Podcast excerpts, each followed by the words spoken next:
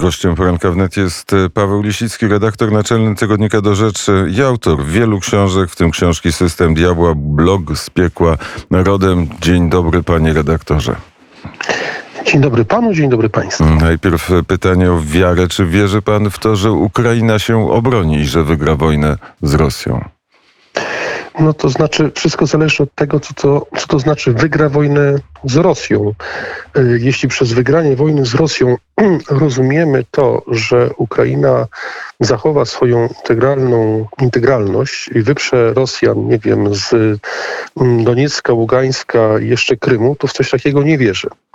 E, e, e, I szczerze mówiąc, no trudno mi spotkać kogoś, kto by w coś takiego realnie wierzył. Ewentualnie, no jeszcze idzie dalej idąca przecież opcja, mówiąca o tym, że zwycięstwo w wojnie z Rosją mogłoby nawet polegać na, mm, nie wiem, dokonaniu zmiany reżimu w Rosji albo wyparciu w ogóle Rosjan gdzieś jeszcze dalej. Szczerze mówiąc, traktuję tego typu opowieści jako fantasmagorię i trudno mi uwierzyć w ich realność. A zachowanie tej części terytorium, którą Ukraina, nad którą Ukraina posiadała władzę, czyli w granicach z 2014 roku. 2014 roku jest to prawdopodobne, chociaż wszystko oczywiście zależy od przebiegu tej obecnej ofensywy rosyjskiej w Donbasie, od strat, jakie Rosjanie będą ponosili, od, że tak powiem, no, dalszego ducha oporu y, po stronie Ukrainy. To jest moim zdaniem opcja w jakimś sensie prawdopodobna. No, oznaczałaby to znaczy taka, taka opcja oznaczałaby, że na pewnym etapie tej wojny Rosja dojdzie do wniosku, że no, nic więcej nie ugra i pogodzi się ze, sto, ze status quo ante, no bo rozumiem, że o czymś takim mówimy, prawda? E, no tylko ta opcja też wydaje mi się szczerze mówiąc mało prawdopodobna, to ona musiałaby prowadzić w pewnym sensie do w bliskiej perspektywie do upadku reżimu Putina i wymiany go na kogoś innego.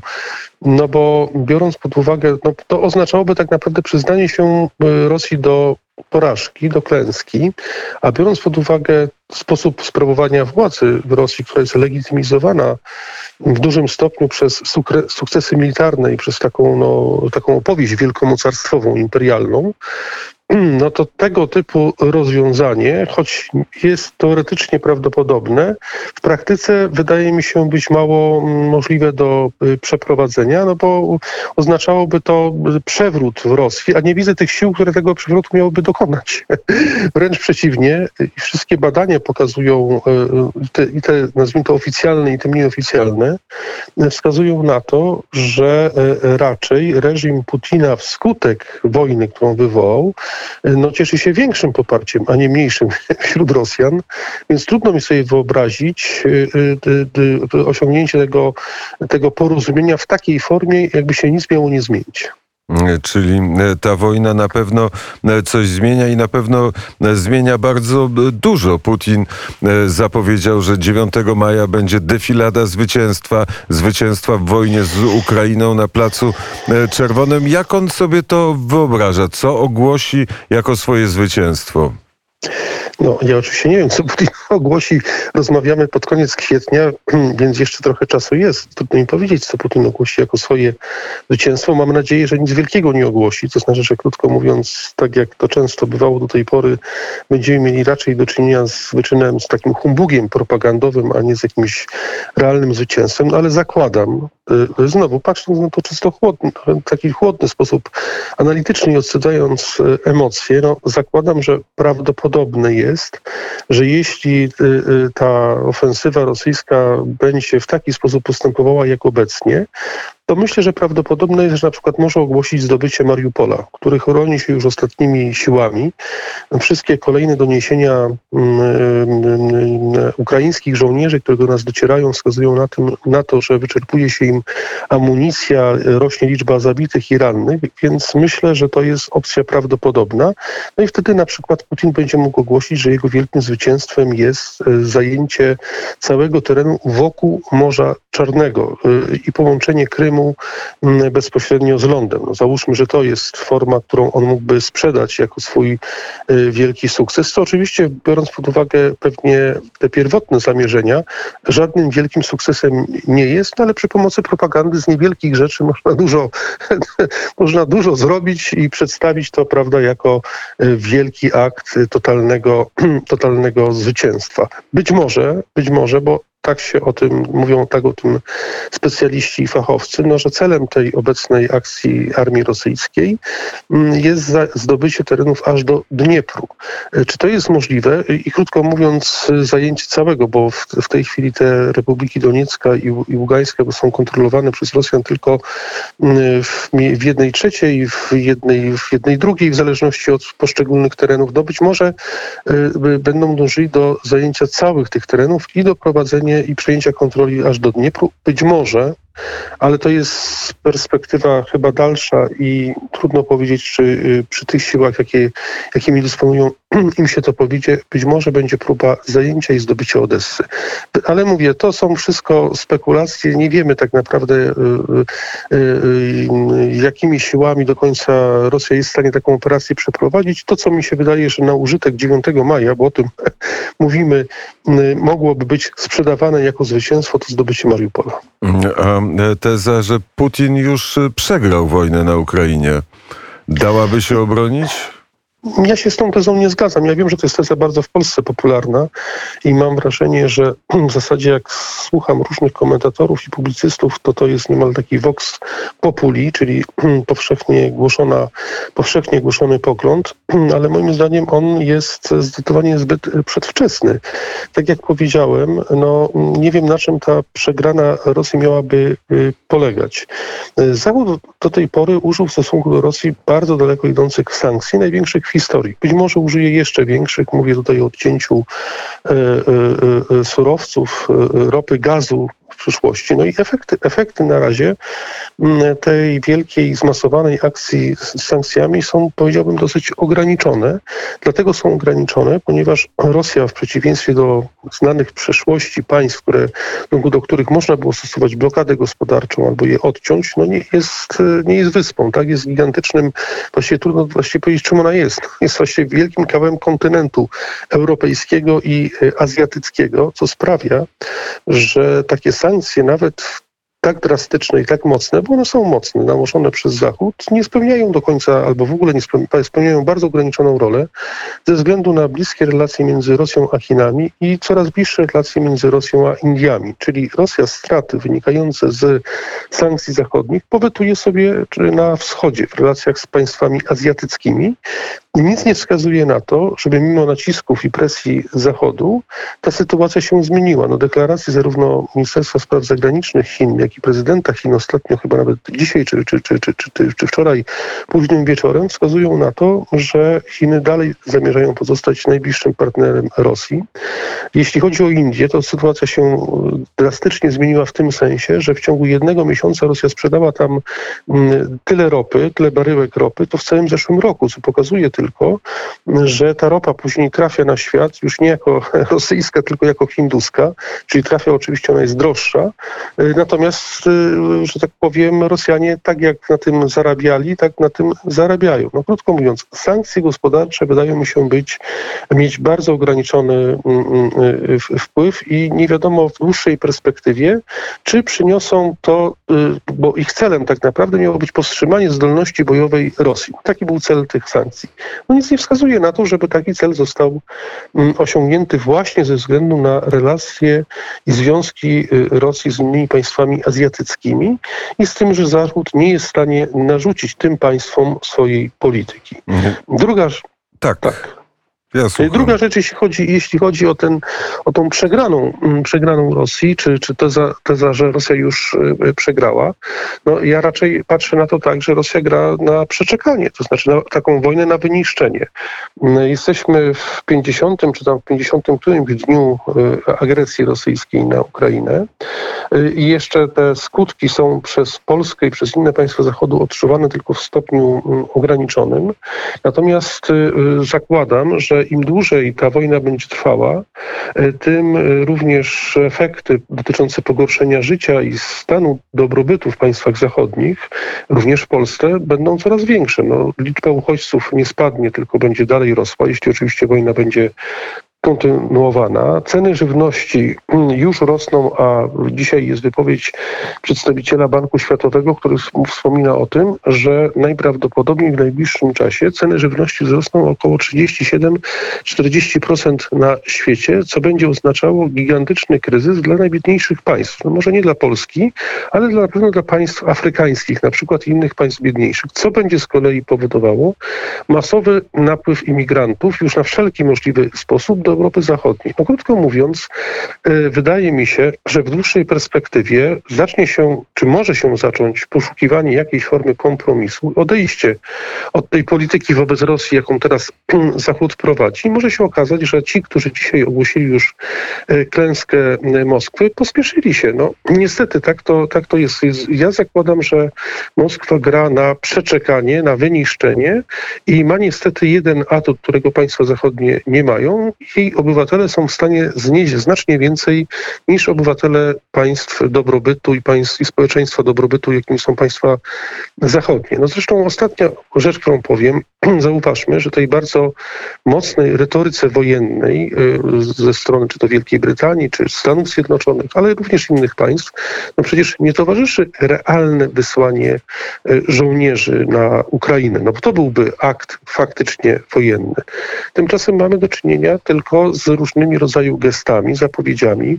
No, prezydent Załański wygłasza kolejne mm, wystąpienia, y, wzywa do pomocy, ale jak wspomniałem, to już jest drugi miesiąc, nic nie wskazuje na to, żeby jakiekolwiek wojska, e, przez wojska, rozumiem, realnych żołnierzy, a nie zapowiedzi pomocy, miały się na Ukrainie ze strony Zachodu pojawić. No dlaczego nie? Właśnie dlatego, ze strachu przed możliwymi dalszymi konsekwencjami i rozlaniem się tego konfliktu jeszcze dalej.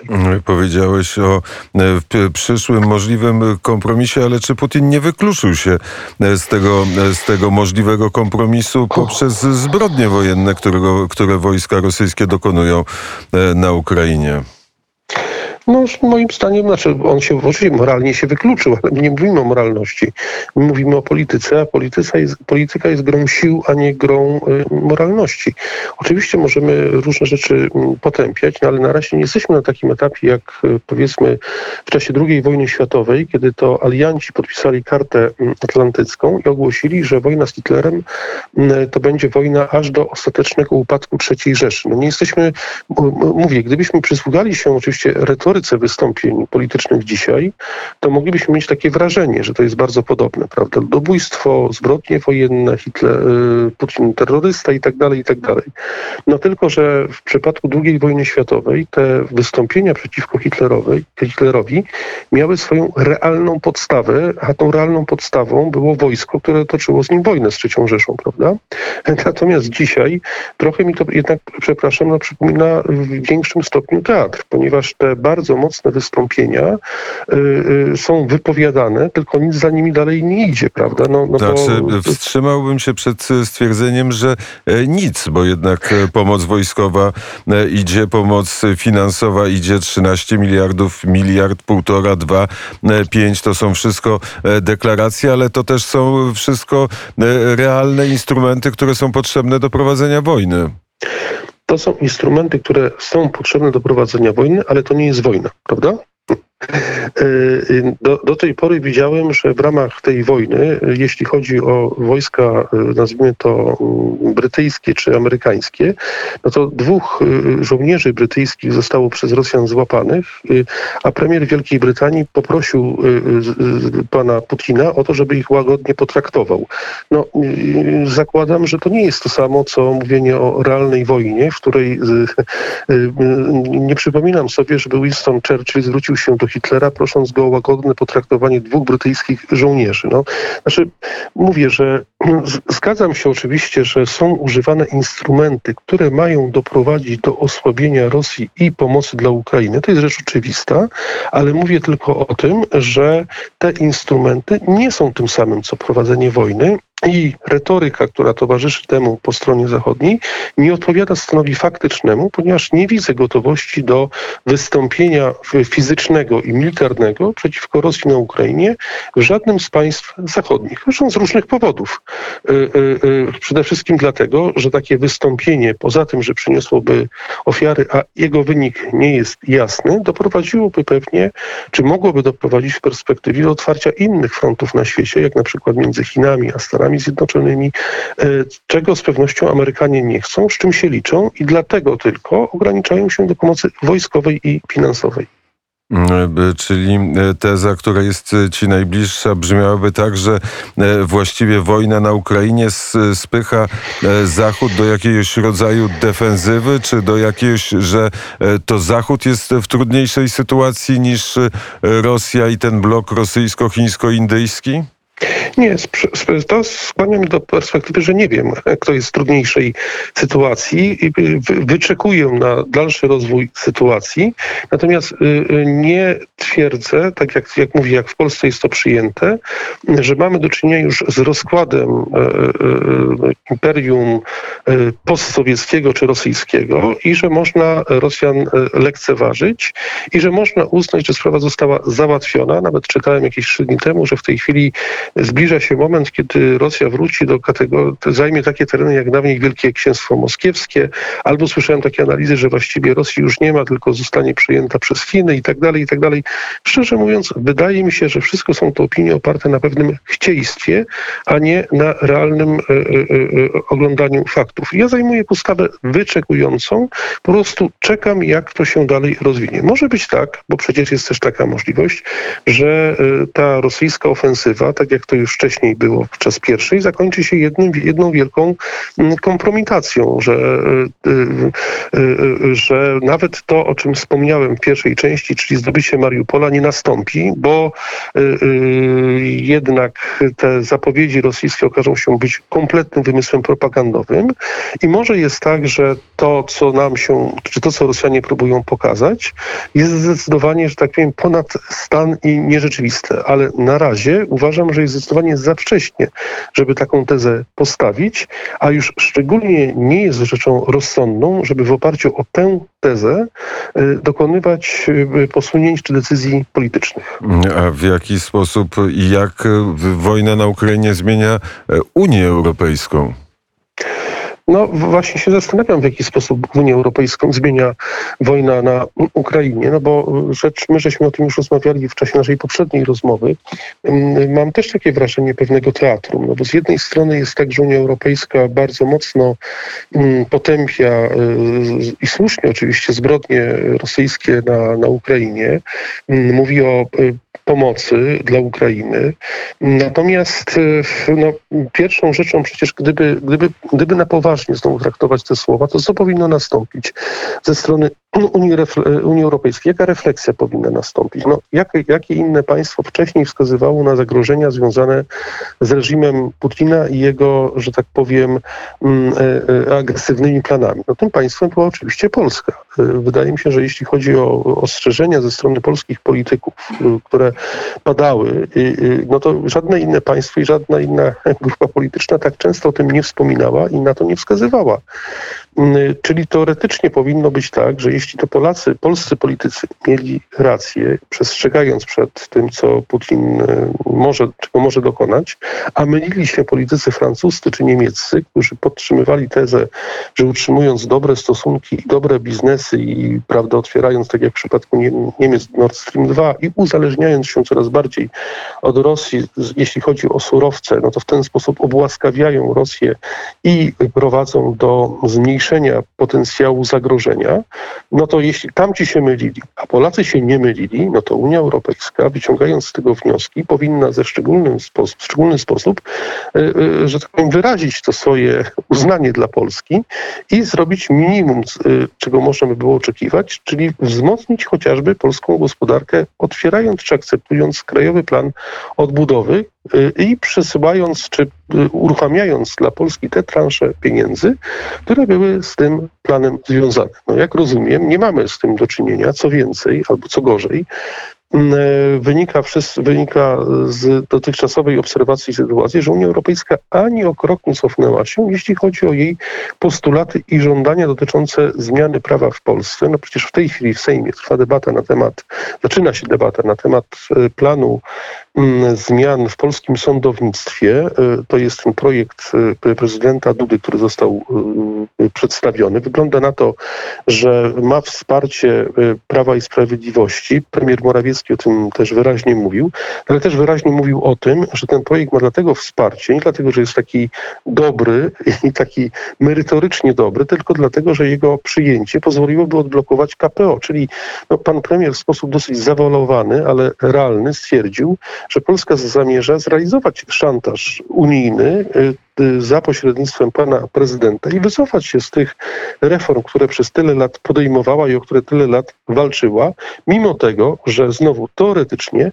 Polska w tych zmaganiach dziejowych była tym dobrym bohaterem, a tym złym bohaterem.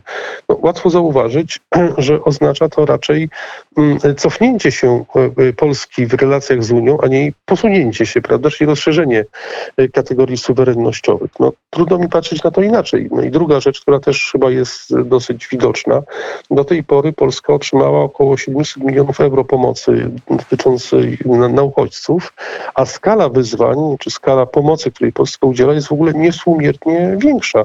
Można się oczywiście spierać na temat tego, czy ona jest za duża, czy jest za mała, no ale co do tego, że między tym, co Unia nam przekazała, a tym, co Polska dała, jest przepaść, no to chyba nikt o zdrowych zmysłach takiej, te, te, tego nie jest w stanie nie, nie zaprzeczyć temu. No w związku z tym powstaje znowu pytanie, dlaczego tak jest dlaczego ta, ten polski wysiłek polityczny i ten polski wysiłek humanitarny nie spotyka się z odpowiedzią, z właściwą odpowiedzią ze strony Unii Europejskiej.